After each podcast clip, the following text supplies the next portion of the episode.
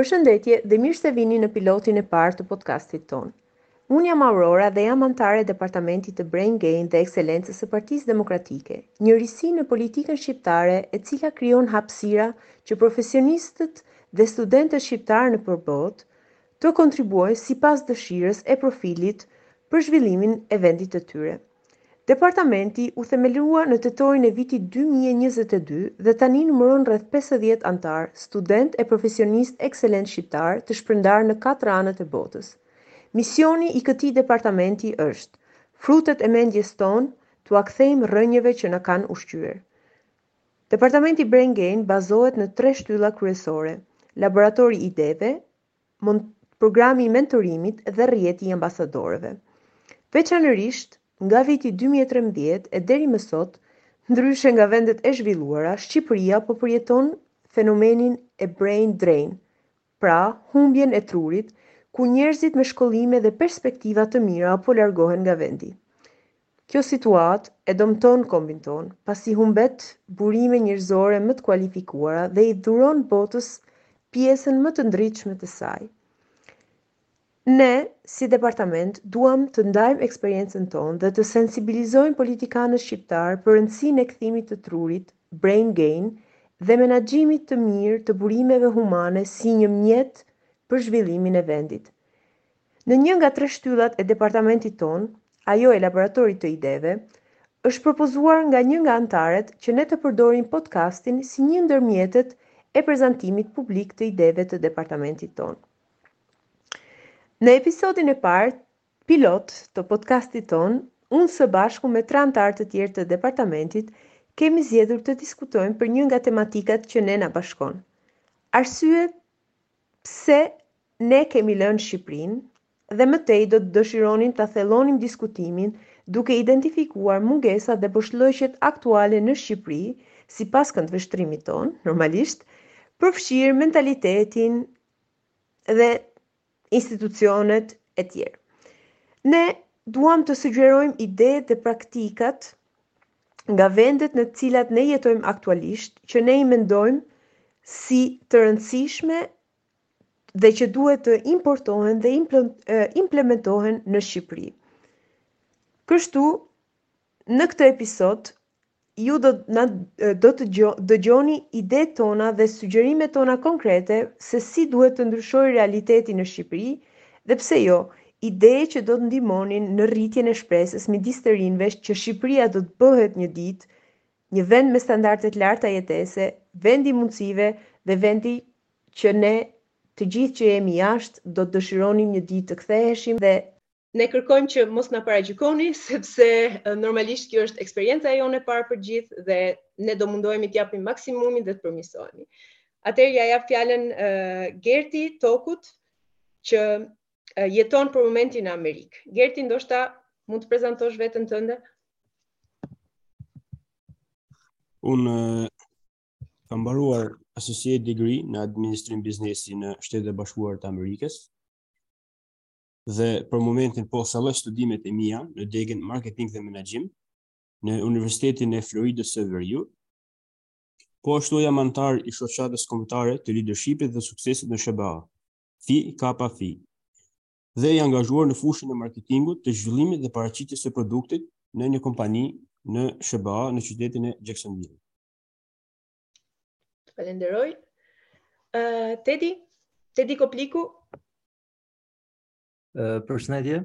Atëherë unë kam kryer studimet e para në inxhinieri ndërtimit në Tiranë, ë pas pas kryerjes së studimeve në inxhinierinë e ndërtimit, jam kthyer dhe kam punuar në disa projekte për sigurinë e lartë, sigurinë e ndërtimeve, dhe në disa stazhe për rikonstruktimin e rrugëve dhe të ndërtesave në pedonalen e Shkodrës.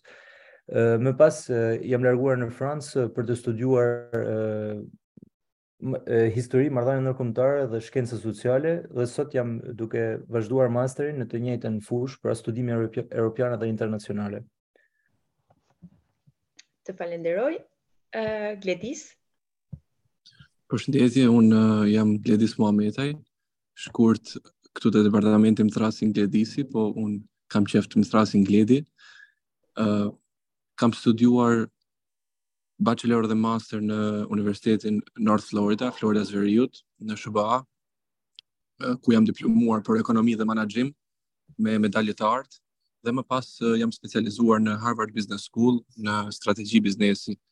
Në vitin 2021, Federal Reserve Bank of Atlanta, në bashkëpunim me universitetin ku unë studioja, më ka vlerësuar me çmimin Omicron Delta Epsilon, që jepet për pesë studentët me arritjet më të larta akademike në fushën e ekonomisë.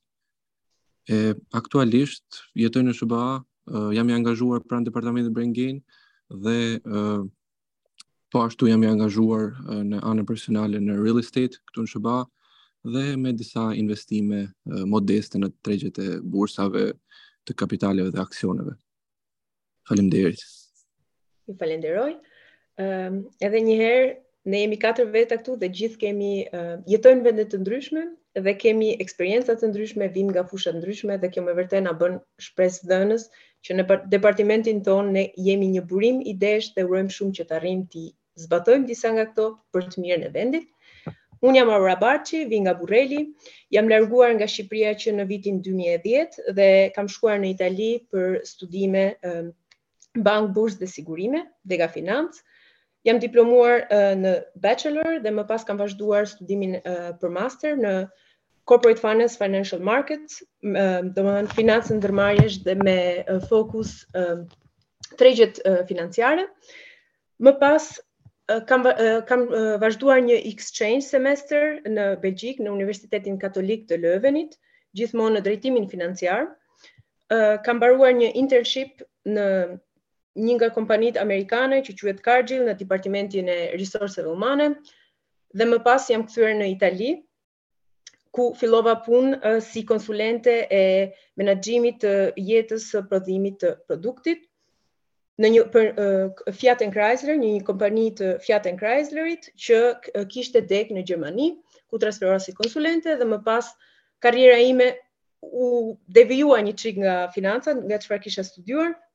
Më pas u përqendrova në menaxhimin e të dhënave, në passhitje dhe në vitin 2020 ndërrova kompani, ndërrova industri dhe shkova në industrinë e kabllove elektrike.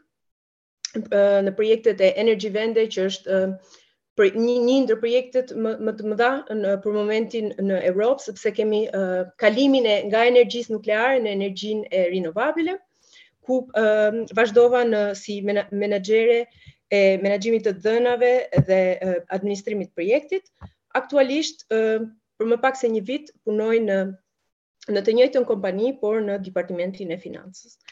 Kam mbaruar një kurs leadershipi të ofruar nga kompania dhe fokusi im është menaxhimi i projektit. Okej. Është e çuditshme të flasësh për veten, apo jo? Tani ne jemi gjithë të katër këtu dhe përveç se jemi pjesë e departamentit Brain Gain, ne kemi edhe diçka tjetër që e kemi të përbashkët dhe menduam që ky projekt, ky podcast i parë, ndoshta të, të fokusohet në atë që ne kemi me të vërtetë të përbashkët dhe që është pse ne kemi lënë Shqipërinë, por nuk mbaron këtu, mbaron kjo pikë zgjatet dhe pjesa më e rëndësishme është se pse ne jemi pjesë e departamentit Brain Gain? Pse ne duhet po po po investojmë kohën tonë, mendimet tona për vendin tonë, për Shqipërinë? ë uh, Unë dua që tani të diskutojmë rreth arsyes se pse ne kemi vendosur për të lënë Shqipërinë për më pas për ta për ta thelluar më shumë këtë dhe për të vlerësuar mungesat që ne kemi në Shqipëri aktualisht sipas pikëpamjeve tona dhe çfarë do donim ne të importonim nga vendet e tjera. Si fillim, uh, dua t'ia drejtoj këtë pyetje uh, Gledisit, Pse Gledi, siç siç kërkon ta thërrasim te departamenti, pse ke vendosur për ta lënë Shqipërinë? Domthon mund të na rreshtosh pak arsyet e tua. Atëherë un jam larguar nga Shqipëria rreth 6 vite më parë drejt Shteteve të Bashkuara të Amerikës së bashku me familjen time.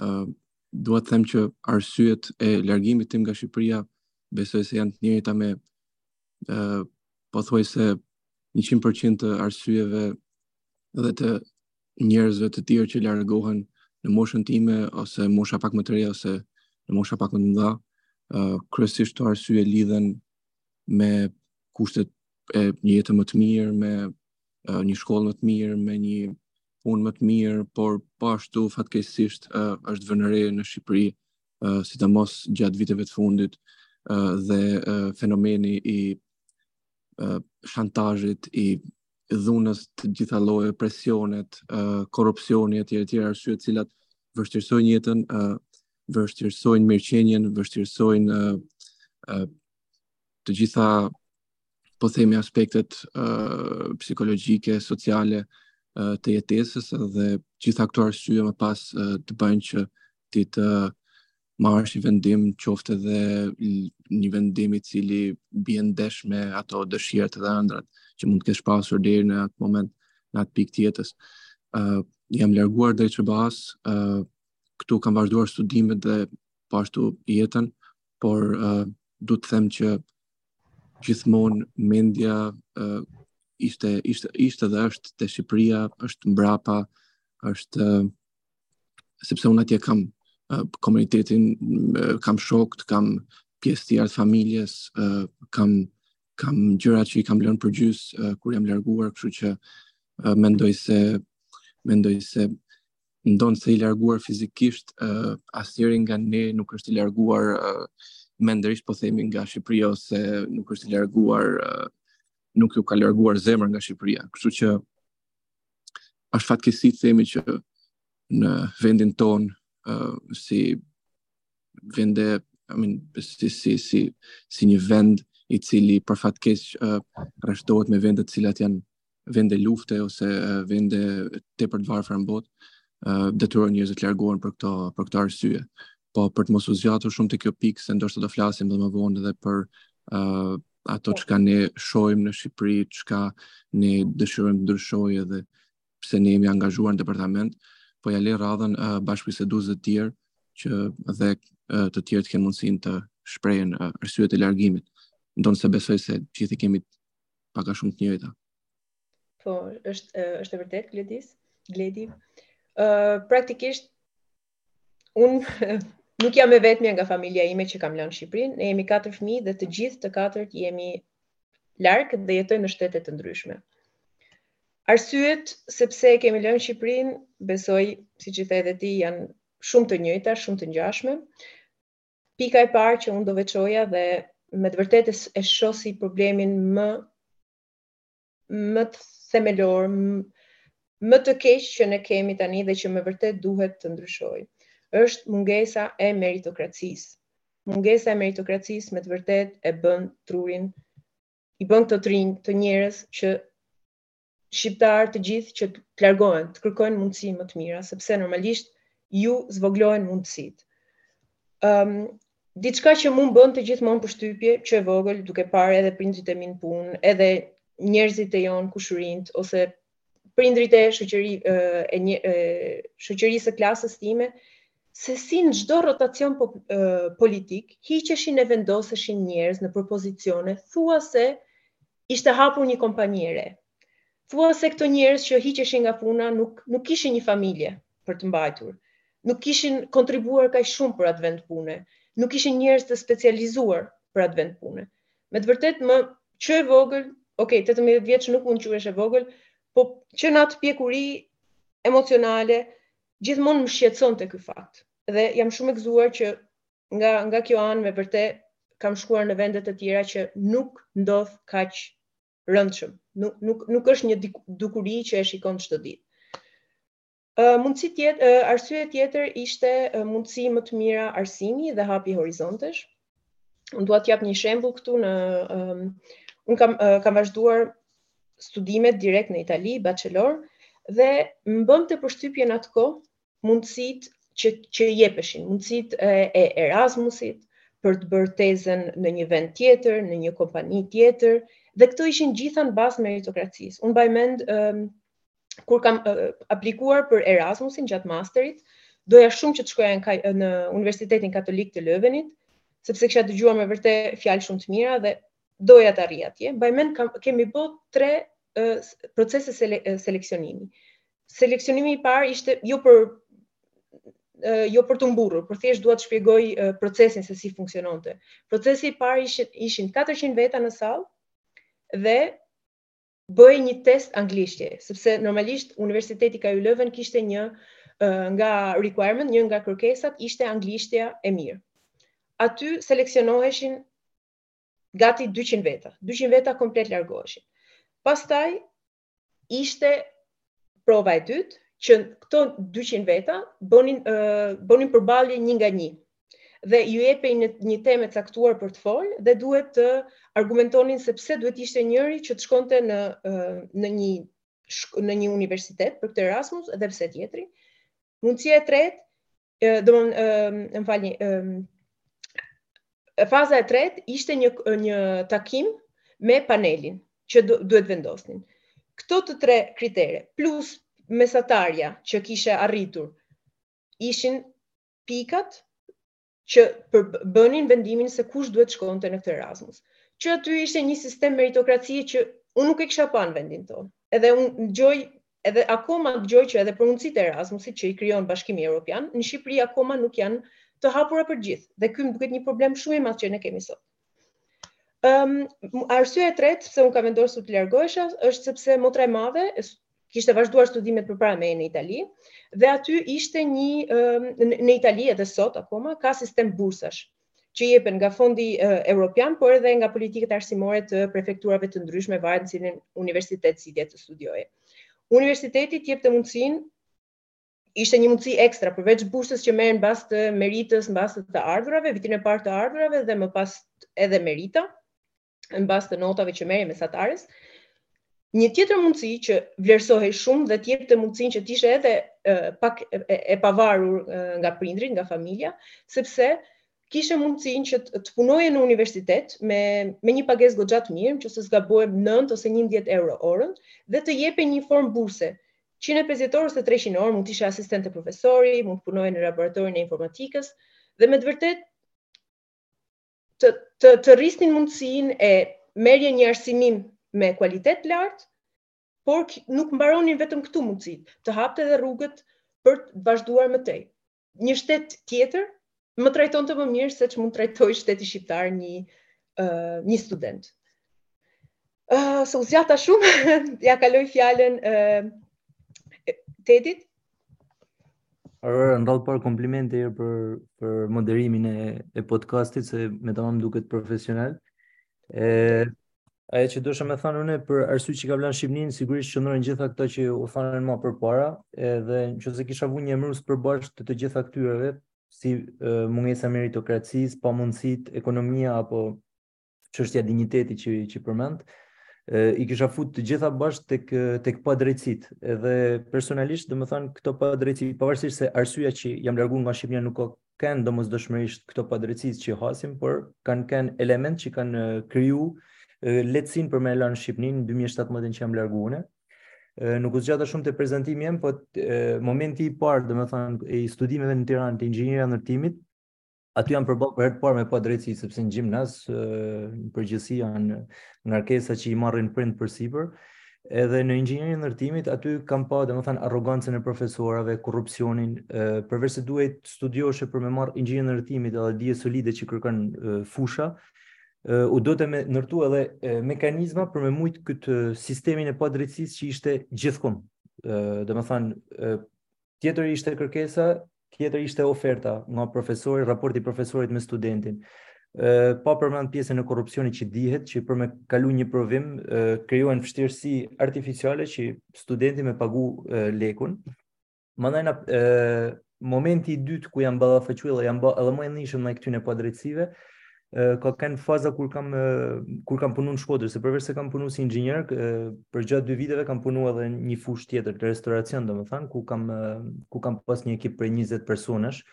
Edhe aty shifsha çdo ditë takim me klientët, po edhe me këta personazhe, me personat ku me të cilët punosha. padrejtësi që ishin në tëna nivelet, domethënë, përveç arsimit ishin në gjitha nivelet. E gjithsesi, unë në momentin që kam marrë vendimin për m'u largu prej Shqipnisë, sigurisht që nuk është një vendim i, i përhershëm, ka kenë ma tepër për, për studimet që dojsha me njekë, edhe prapë këtu mund të jetë një arsye, sepse pamundësia për me studiu në fushën që unë kisha pasion, pra që është kjo historia, shkencat politike, marrëdhaniet me jashtë, e gjitha këto, në Shqipni nuk t'i mundësojnë, sepse përgjatë 50 viteve ishte një sistem arsimor komplet i kontrollum e, ideologjikisht, e, edhe mas, mas ramjes të komunizmit, pjesa e shkencave sociale mbeti shumë pak e zhvillume sepse autorët e librave ishin po të njëjtit po të njëjtit pedagogë që kishin krijuar edhe programet shkollore në kohën e komunizmit. Pra, largimi im ma tepër ishte i lidhur me një dëshirë për me studiu diçka tjetër, për me për me provu një eksperiencë të re, dhe u largova pavarësisht të gjitha shtysave që përmenda më sipër. Ajo që kisha thënë unë që është pyetje që duhet me u bë njerëzve si puna e jonë që kena që kena emigru, është tundimi për me qëndruar në këto vende ku ne shkojmë, për lehtësinat që krijon qëndrimi në këto vende, të cilat i përmendën edhe Aurora dhe Gledisi, ë pra që lidhen me qetësinë, me sigurinë, me mundësitë deri diku të barabarta sepse gjithkund ka padrejtësi. dhe këto mund të jenë një rrezik i naltë që gjithë këto persona që ikin jashtë të mos kthehen ma në Shqipni, temë për të cilën do të flasim edhe ma vonë që që lidhet edhe me misionin e, e departamentit tonë. Kështu që pavarësisht se ka 1001 arsye me për me lanë Shqipninë, arsyet e mia janë shumë të lidhna me me formimin edhe me me me shpresën që një ditë këto dije të marruna, këto aftësi të marruna këtu në Francë ku ku ndodhem unë, ë t'i vë një ditë në shërbim të vendit tim. Ashtu edhe unë, si të gjithë shqiptarët, faktorët kryesorë që kanë ndikuar në largimin tim nga Shqipëria janë socialët, politikë dhe ekonomikë. Pra, duke mos pasur stabilitet në asnjë nga fushat që përmenda, u detyrova të largohem nga Shqipëria si shumë të rinj të tjerë. Ky largim masiv që po i ndodh Shqipërisë në 10 vitet e fundit, po e varfëron çdo ditë vendin, sidomos ikja e të rinjve, që janë një domosdoshmëri për gjallërimin e jetës politiko-shoqërore. Kthimi duket i vështirë për momentin pasi ka shumë mungesa në kushtet e punës, pagesat, në arsim, në shëndetësi, në shërbime publike e shumë të tjera. Prandaj, si për mua dhe shumë të tjerë, është një mundësi shumë e mirë pjesëmarrja në departamentin e PD-së Brain Gain dhe Ekselenca, pasi i jep mundësinë çdo personi, student, ish-student dhe profesionist në fusha të ndryshme të kontribuojnë për shoqërinë shqiptare, edhe pse jo prezent. Ky departament shërben si një urë lidhëse apo si tryezë mendimesh për persona brenda dhe jashtë vendit, duke i dhënë mundësinë secilit të japë ekspertizën e tij në shërbimin e shoqërisë shqiptare. Problematika që ne kemi sot në vendin tonë, të cilat sollën krijimin e këtij departamenti. Faleminderit që e shpjegove pak më në në thellësi misionin që ne kemi dhe me të vërtet ë ju falenderoj të gjithëve se po po bëjmë me shumë faleminderit tani për uh, shpjegimin tuaj. Por e kuptuam besoj që arsyet janë pak a shumë të njëjta. tamam siç i përmendi Gerti, fokusohen në tre pika. Atëherë, për të vazhduar këtë linjë mendimi, normalisht ne e shpjeguam të gjithë se çfarë kanë pse kemi ikur ne, po tani ne normalisht kemi maturuar eksperiencat tona në vende të ndryshme, besoj jemi të gjithë në vende shumë të zhvilluara, me ekonomi të zhvilluar, ku politikat sociale janë shumë të mira, kur janë me të vërtet, një, kemi një ndryshim ditë, ditë e natë me, një, me, me shtetin tonë shqiptar. Um, ju si, si, si ish, e, duke jetuar në këto vende, dhe duke ditur mungesat që ne kemi në Shqipëri, që ndoshta mund edhe t'i uh, analizojmë pak, çfarë modelesh mendoni ose mendojmë ne të gjithë që mund të importohen dhe implementohen në Shqipëri, që do e bonin Shqipërinë atë vendin që të gjithë ne do donim po, do do të thonim dhe do mendonim po, Shqipëria bëhet një ditë. Po, do kthehesha me me shumë dëshirë në Shqipëri dhe mos të ishte ajo dilema e madhe që ne a të kthehemi apo mos të kthehemi. këtë do ta ta thellojmë pak më shumë. Dhe do ja t'ja japja uh, fjalën Tedit. Tedi jeton në në Francë për momentin dhe uh, ka jetuar edhe në Shqipëri uh, në në kohën e studimeve, ndryshe nga ne. Kështu që ndoshta mund mund të na japësh pak një një pasqyrë më më të gjerë dhe më më të detajuar. Uh, atëherë Aurora është e vërtetë që uh, niveli i arsimit uh, edhe raporti që kena ne me universitetet duke fillu nga raporti mes uh, studentit dhe profesorit edhe raporti me dijen që kena sigurisht që është një, një element që do të ishte bukur ta, ta importoshim nga, nga vendet ku ne studiojmë edhe po, po është një proces që merr shumë vite shumë kohë por është i domosdoshëm sepse prej universiteteve fillon qysh në fillim domethënë është demotivimi që i heq dëshirën studentëve një një universitet si siç e the dhe ti përpara ku nuk vlerësohen dijet por vlerësohen njohuritë që kanë profesorat me studentët ose korrupsioni etj etj i demotivon me të vërtet domethanë kategorinë ma të mirë shoqnisë shqiptare që janë studentat e mirë ose studentat që kanë dëshirë mu, mu, mu perfeksionu në fusha t'caktume, plus që i mbush këto postet kyçe t'administratës shtetnore apo edhe në fusha t'tjera edhe në ekonomi e tjera me, me njerëz mediokër, sepse universiteti jo domosdoshmërisht në Shqipëni nxjerr pjesën ma të mirë të, të shoqnisë.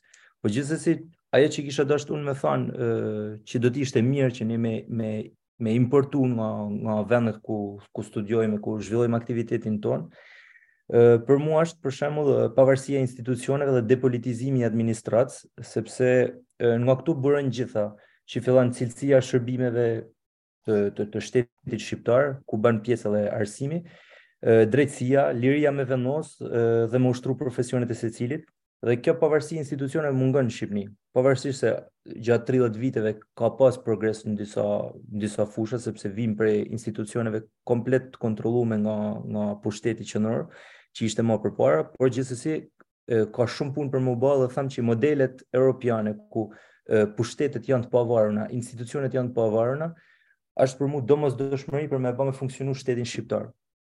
E, mandej na ça, ça, ça kisha dashtun me thanë është që ne si si shqiptarë duhet me marrë parasysh edhe historinë që kena si shoqni, edhe konstruk konstruktin që kena shoqni, jo domosdoshmërisht jena të aftë me importu të gjitha vlerat perëndimore. Domethanë, duhet me marrë parasysh edhe këtë pjesën limitet tona që kena, por me përmirësu kena hapsinë plot edhe modelet i kena të gatshme. Domethanë, nuk kena nevojë me shpik Një model të ri për sa kohë, modelet e suksesshme ekzistojnë në Gjermani, në Angli, edhe ma larg në Amerikë, në Kanada. Ë kurse pika e tretë, po thojmë, mas arsimit edhe pavarësisë së institucioneve, ë kisha thanë ça mundna ne me imponu është ë sepse unë studioj marrëdhëniet me jashtë që është domosdoshmëri për një vend si puna e Shqipnisë ku pavarësia pavarësia e shtetit shqiptar dhe siguria e vendit varet shumë prej prej vendeve të të prej shteteve europiane dhe perëndimit në përgjithësi është po. lidhja që ne mundena me kriju, lidhja që kena me kena kriju ne si si si si studenta ose si profesionista me e, shtetet ku ne zhvillojmë aktivitetin tonë dhe them që këtë mundena ne me vu n'shërbim të të Shqipnisë që është edhe një pjesë e misionit tonë si departament që është rrjeti i ambasadorëve. Këto mendoj që pak a shumë.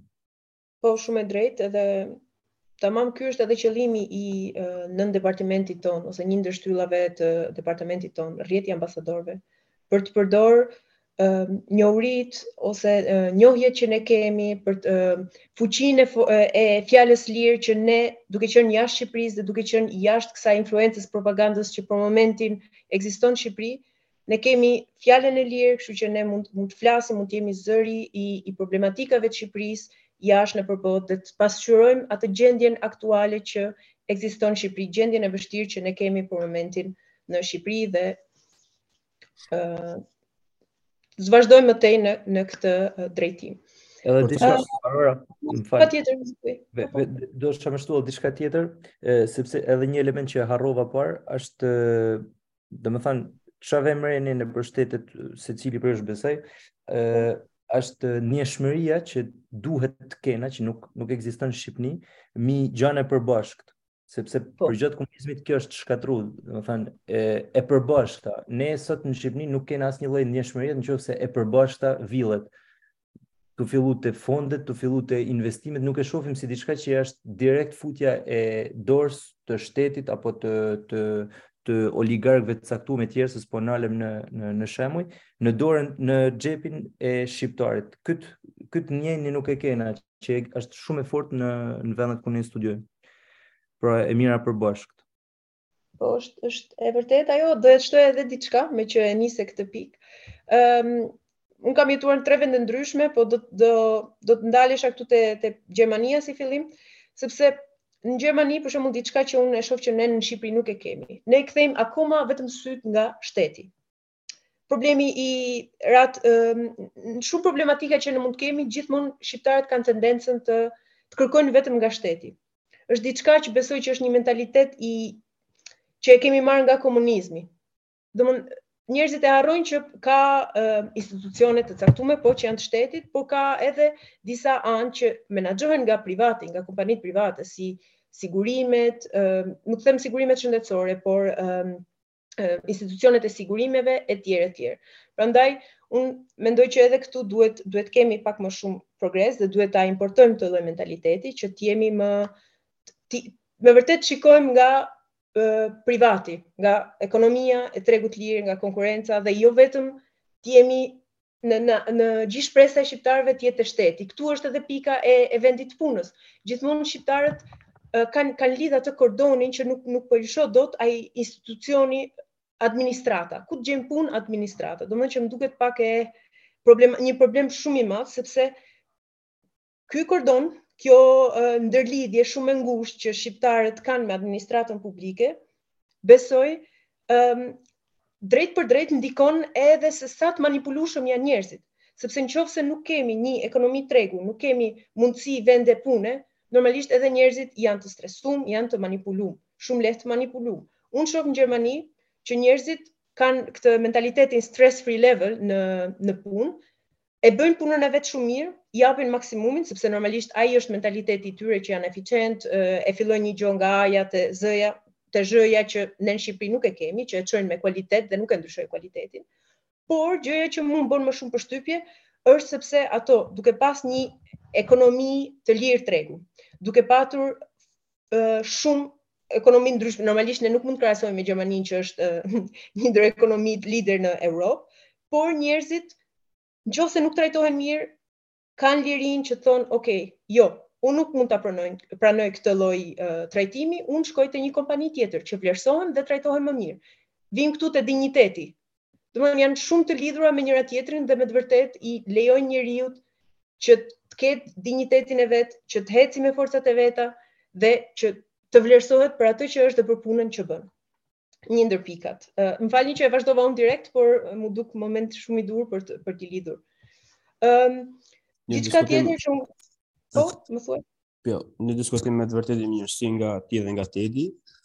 Unë eh, për të mos kaluar në përsëritje, do doja të prekja pak pjesën e ekonomisë dhe eh, pjesën e përdorimit të teknologjisë inovative. Po.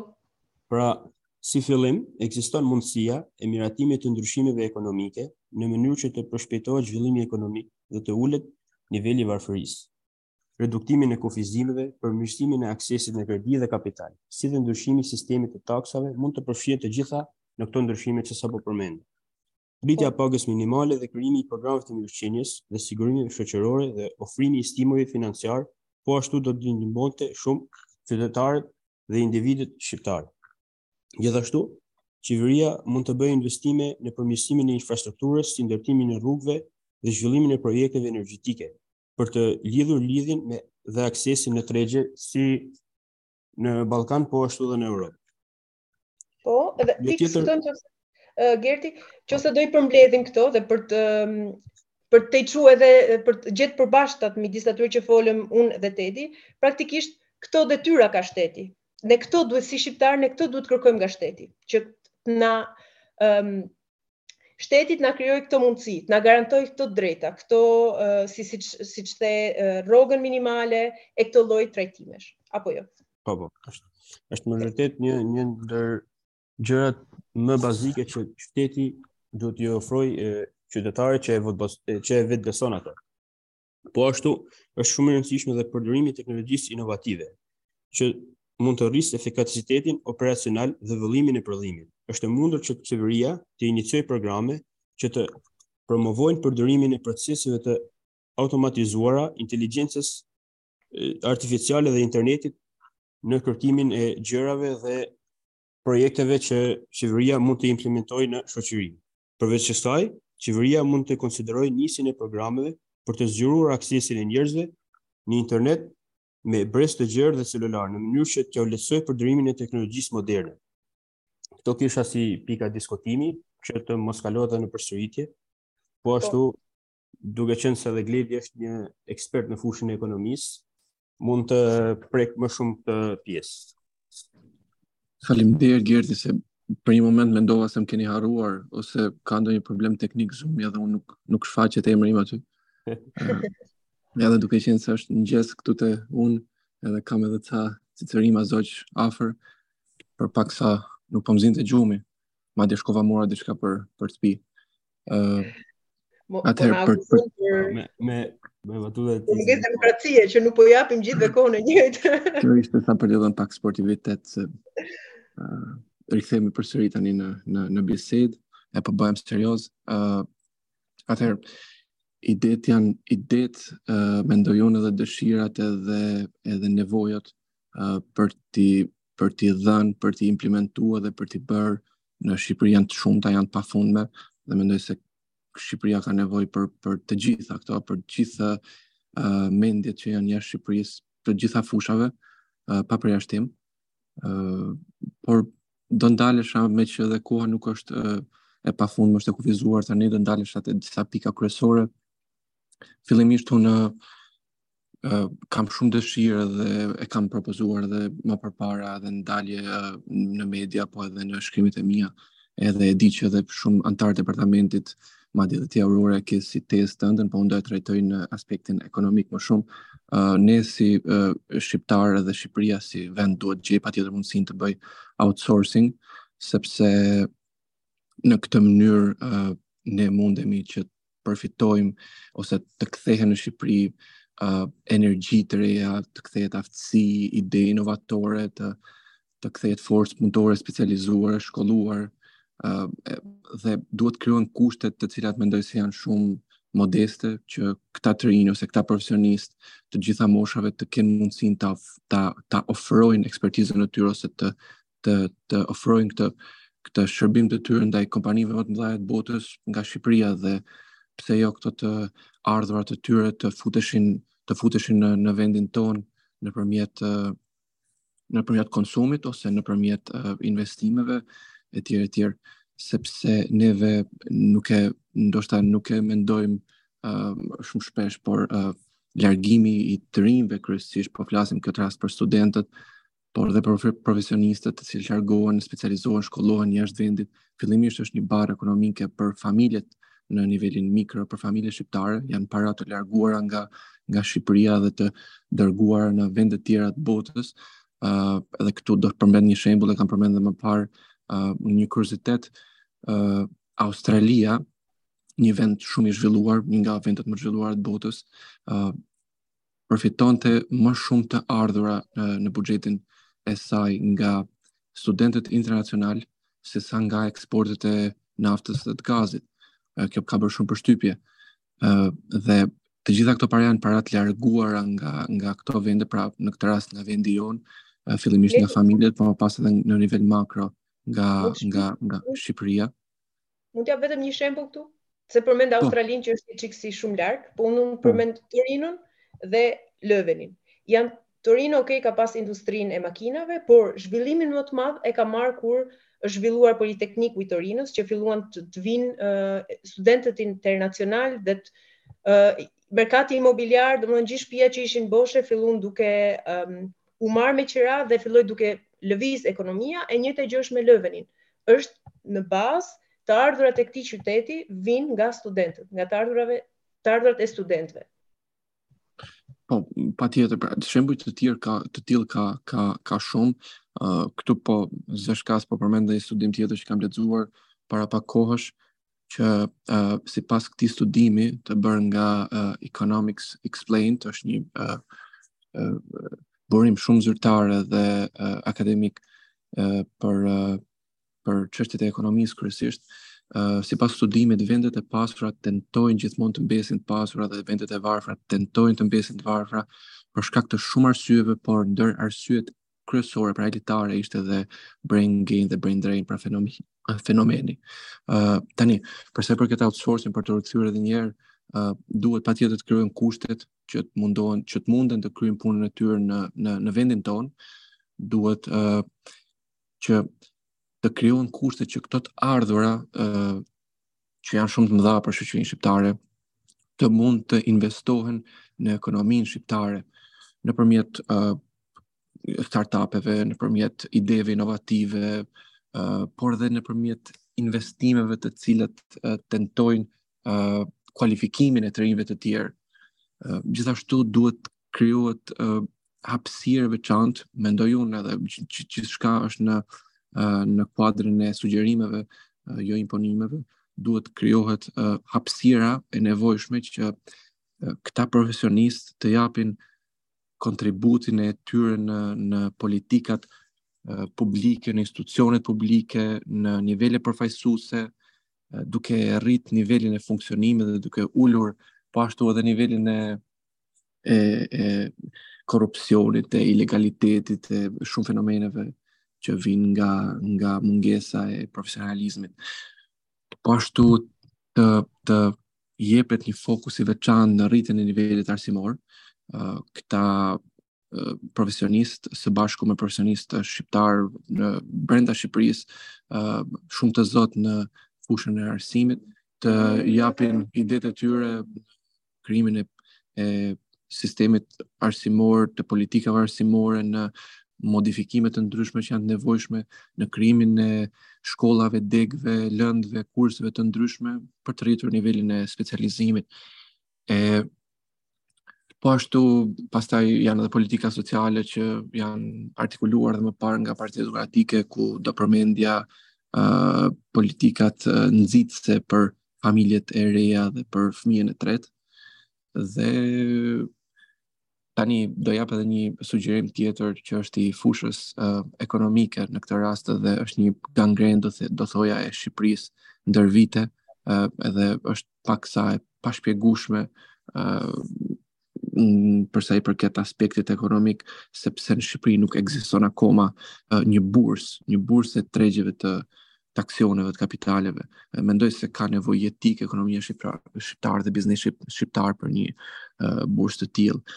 Uh, po ashtu për të mos e zgjatur më tek uh, outsourcing, uh, mendoj se krahas kësaj duhen duhet po ashtu të jepen ide ide të modernizuara në të gjitha fushat e tjera, ide të cilat këta profesionistë i kanë mësuar, i kanë studiuar, i kanë vetë ë ë domethënë i kanë vetë implementuar ose janë vetë uh, punëtorë ose vetë bashk uh, udhëheqës të këtyre ideve në vendet ku jetojnë. Uh, këto ide uh, të cilat funksionojnë sepse është dhënë shembulli në vendet e tjera që funksionojnë të jepen në në vendin tonë dhe të mundohemi që të japim modele të funksionimit të shkollës, të karrierës, modele funksionimit të përmbushjes intelektuale, morale, njerëzore dhe të mundohemi ta largojmë shoqërinë nga një uh, mendoj si nga një gropë, nga një kurth ku ka rënë, ku uh, vlerësohen shembuj të pasurimit të shpejtë në mënyra ilegale, në mënyra të rrezikshme dhe të mundohemi që të japim shembullin e largimit nga veset, sidomos për të rinjtë nga veset, nga veset dhe degradimet e ndryshme që po i shohim dita ditës, që ndodhin në shoqërinë, në shoqërinë shqiptare dhe me pak fjalë të mundohemi që Shqipëria të tërhiqet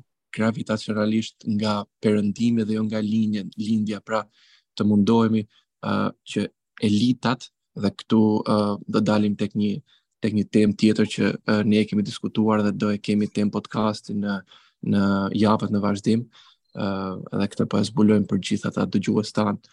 Uh, elitat tërheqin masat apo masat tërheqin elitat. Dhe unë mendoj se në vendet uh, perëndimore në vendet e zhvilluara, në vendet vendet inovative ku ë uh, gjithçka po ecën përpara, uh, janë elitat ato të cilat japin shembullin tek njerëzit dhe në vendet lindore janë uh, ndodh e kundërta, shoqëria shthuret, uh, kemi shoqëri thellësisht shoqëri konsumi, shoqëri uh, të veseve, uh, Dhe mendoj se uh, për të mos u zgjatur shumë se e di që u zgjata shumë, por do e mbyll tani. Uh, jo, s'ka gjë. Uh, kështu që mendoj se pak a shumë me fjalë të përgjithshme në vija të trasha, këto janë disa ide uh, të cilat unë uh, do kisha shumë qejf uh, të jepeshin, të diskutoheshin e të implementoheshin më vonë. Ka edhe shumë të tjera, por uh, po jua lë radhën dhe ju të tjerëve. Doja të ndalesha te diçka Gledi. Ëm um, jam shumë dakord me çdo pikë që parashtrove, edhe Gerti, edhe Tedi, por unë mendoj që për momentin problematika më e madhe është sepse nuk ka hapësira. Nuk ka hapësira që këto zëra të dëgjohen, këto ide të implementohen në Shqipëri. Ky mendoj është problemi më i madh sot për sot. Sepse tamam um, po ju jepet zëri, po ju jepen mundësitë njerëzve që nuk janë vizionarë, që nuk duan përmirësimin, nuk duan të mirën e Shqipërisë. Dhe mendoj ky është një ndër problemet më rrënjësore që duhet të zgjidhet, që shteti shqiptar, ato njerëz që janë në fuqi vendimmarrëse, ta duan të mirën e vendit, të jenë mbi të gjitha atdhedashës dhe të shohin të mirën e vendit dhe t'ju lejnë mundësi këtyre zërave, këtyre ideve që me të vërtetë janë për të mirën e vendit që t'implementohen dhe të marrin formë, mos të jenë mos të ngelen vetëm në kuadrin e ideve. Kjo mendoj është më e rëndësishmja dhe kjo vjen nëpërmjet ndryshimit të fondeve që fondet e shtetit shqiptar të shkojnë në buxhetin e arsimit, në buxhetin e teknologjisë, e research and development, e shumë anë të tjera, aspekte të tjera të ekonomisë që me të vërtetë kanë nevojë emergjente për të ndryshuar dhe për për t'u vënë në fokus. ë Diskutimi ishte shumë i mirë gjithë pikat. ë Ne do e vazhdojmë ë idenë e podcastit me tematika të ndryshme. Një ndër temat e ardhshme sapo e zbuloi Gledi që për ne është shumë e rëndësishme dhe ju falenderojmë të gjithëve për kohën që keni marrë për të na dëgjuar. ë Falenderoj tre kolegët e mi, Gledin, Tedin dhe Gertin, për gjithë ideet, për bashkëpunimin dhe shihemi në episodin e ardhshëm. Faleminderit Aurora, faleminderit çunave dhe faleminderit gjithë uh, dëgjuesve. Po, faleminderit. Faleminderit Aurora. Faleminderit të gjithë pjesëmarrësve, faleminderit dëgjuesve dhe mos harroni të na ndiqni në rrjetet tona sociale Departamenti Brain Gain në Facebook dhe Brain Gain në Instagram. Të përditësoheni me të rejat e fundit nga ky departament. Ju faleminderit.